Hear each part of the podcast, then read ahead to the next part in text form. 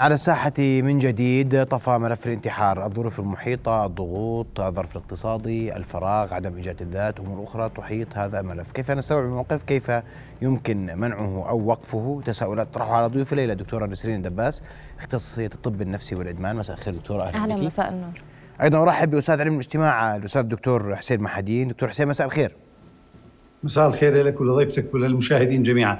أهلا بك دكتور حسين. دكتور نسرين أبدأ منك وقبل بدي أورجيك مشهد هو انتشر كالنار في الهشيم لشرطية آه، منعت شخصا من الانتحار آه، في العاصمة عمان. نتابع سوية. رؤيا بودكاست.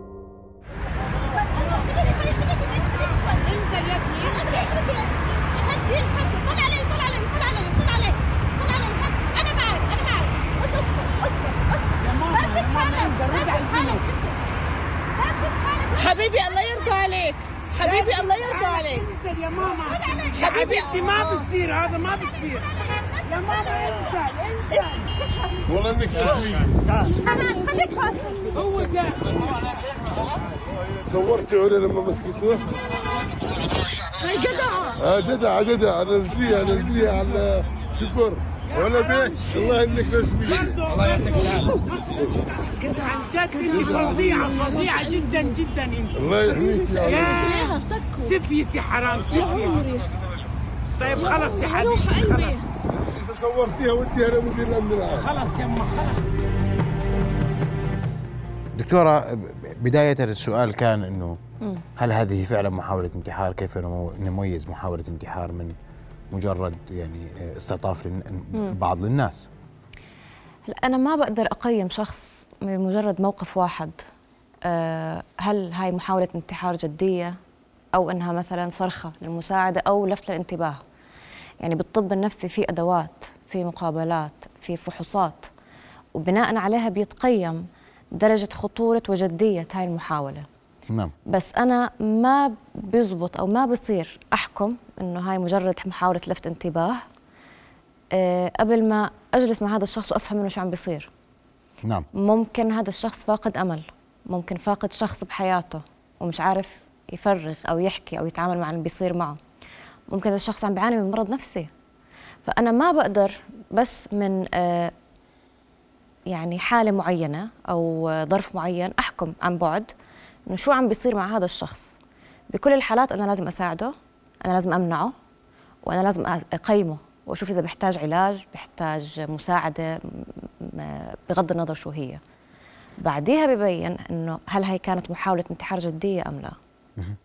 دكتور حسين البعض يلقي آه، بالظلال الاقتصادية والمجتمعية والضغوط والظروف المحيطة على محاولات الانتحار تتفق تختلف اجتماعيا. من الضرورة التذكير بأن هناك عوامل كثيرة يمكن أن تدخل في الانتحار لكن اللافت هو اهتمامنا في الانتحار نفسه في آخر لحظة. أي وكاننا لا نعلم مسبقا كصناع قرار ومخططين ومؤسسات أن كثير من العوامل يمكن أن تسارع في زيادة مساحة هذا الانتحار وخطورة تفشيه أو إصابة آخرين بالعدوى جراء التقليد والمحاكاة التي آه، ينتاب آه، المتابعين لها.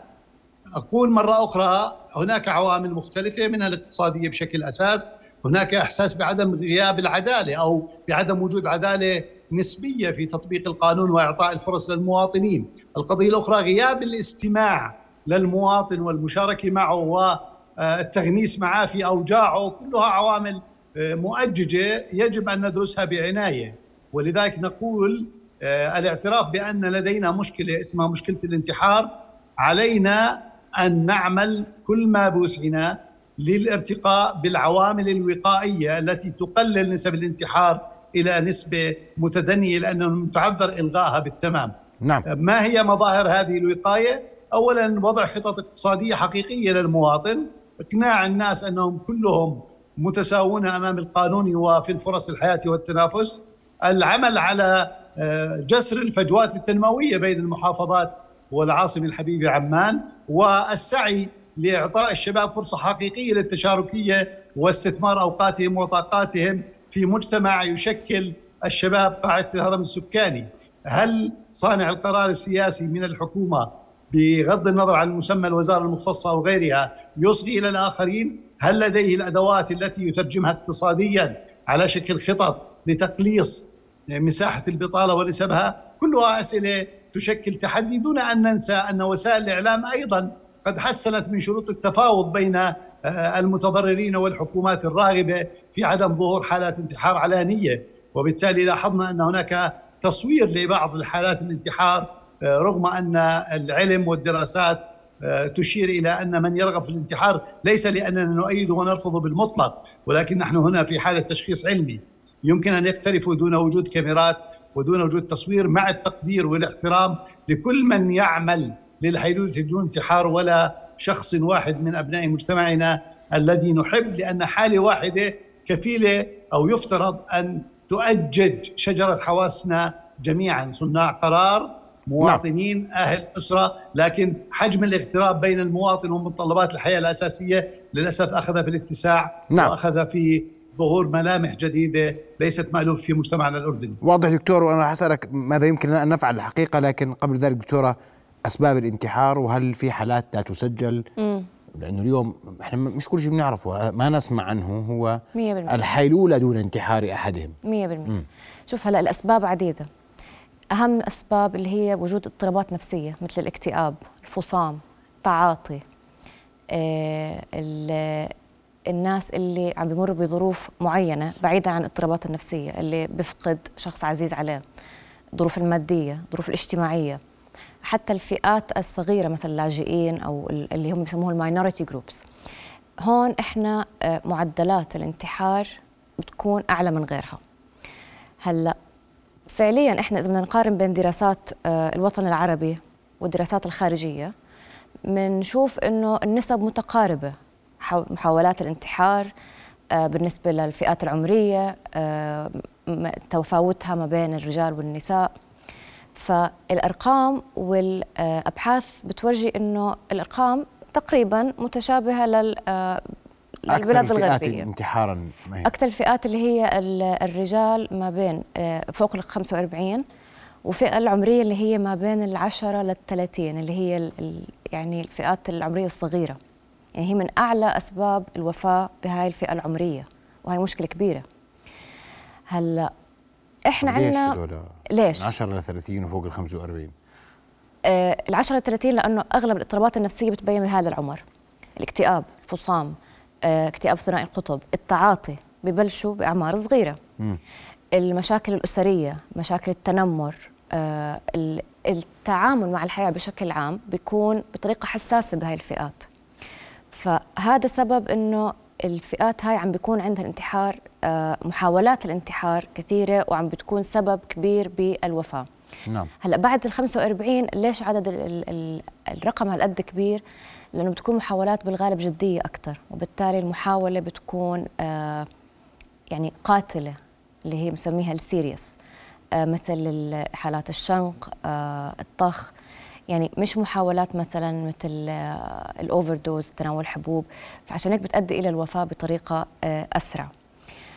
هلأ المشكلة إنه إحنا ثقافتنا آه، مجتمعنا ما من ما بنعلن يعني ممكن ناخذ شخص على الطوارئ إحنا كأسرة أو ك كواجدين مقربين منه. بنكون عارفين إنه هاي كانت محاولة انتحار بس ما بنعلن ما بنحكي مشان ما تتسجل. هاي بتكون وصمة للمريض وصمة للعيلة. إذا فعلا آه، انعرف وأعلنوا عنها أنها حالة انتحار. وبالتالي الأرقام اللي عنا ليست دقيقة.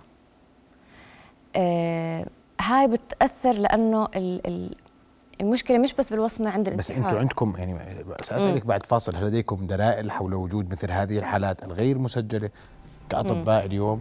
هل عندكم حالات لمستوها شاهدتوها تابعتوها طبعا. أو عشان ناخذ أمثلة فقط حتى تكون الأمور أوضح للمشاهد. وأعود لك دكتور حسين لأستمع منك لحلول ممكنة بعد فاصل قصير فاصل ثم نواصل. ابقوا معنا.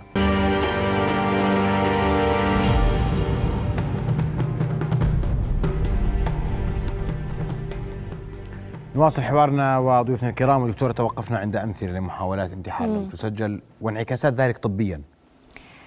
إحنا لأنه آه، بعياداتنا بيكون في تفاعل كبير ما بيننا وبين المرضى وحتى أهاليهم المقربين. فأحيانا إحنا بنعرف آه، أمور يمكن العيلة ما بتحكي عنها علنا. مثال على ذلك آه، سيدة كانت بتراجع عندي كانت تعاني من اكتئاب شديد.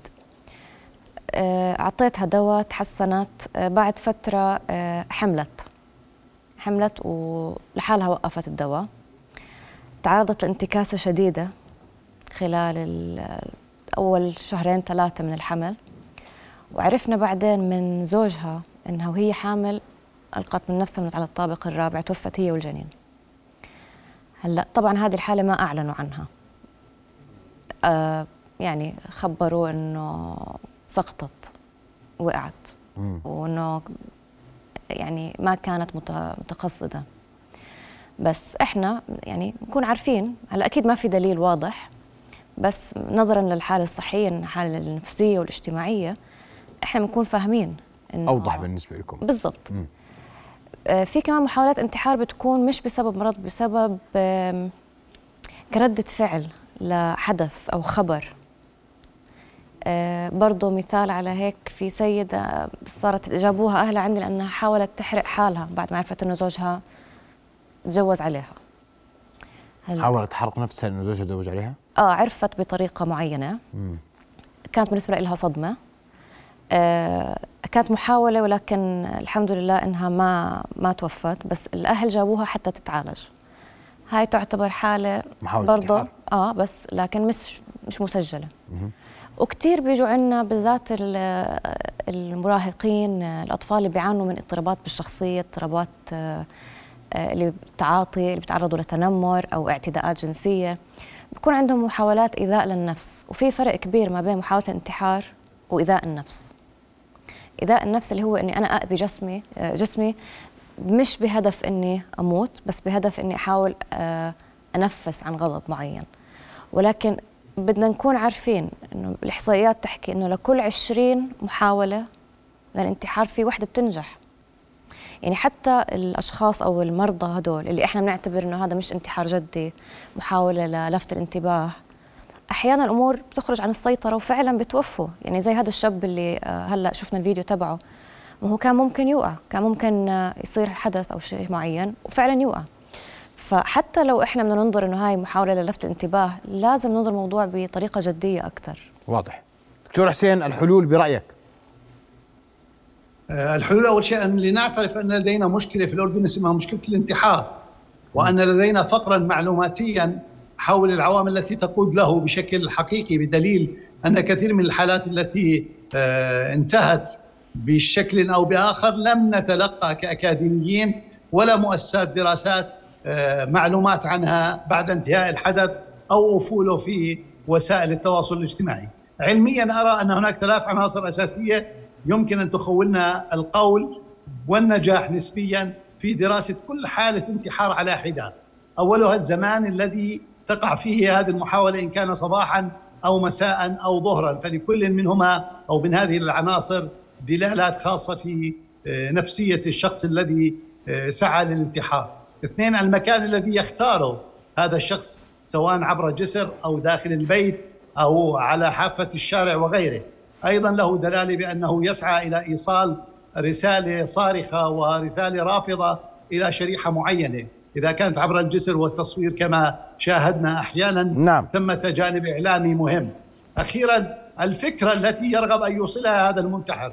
علينا أن نقول أن المنتحر ليس فقط وليد اللحظة وإنما هو نتاج لتراكمات من الإحباطات من الظروف الصعبة من الضوائق المالية وفرص العمل وغيرها من هذه العناصر التي يعاني منها الإنسان من ضغوطات معينة والأهم من ذلك أن علينا السعي مؤسسات مجتمع مدني وجامعات وحكومة بأذرعها المختلفة أن نعمل على تشكيل فريق مستمر العمل في رصد وتحليل العوامل التي تقود إلى الانتحار خصوصا بين الشباب.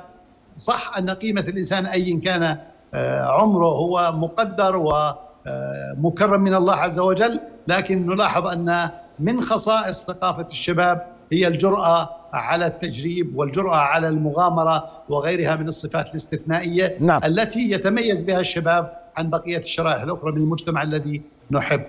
أستاذ علم الاجتماع الأستاذ دكتور حسين محدين كنت مباشرة معنا من كرك أشكرك كل الشكر. دكتوره نسرين دباس الاختصاصية في الطب النفسي والإدمان اشكرك كل الشكر على وجودك معنا. رؤيا بودكاست.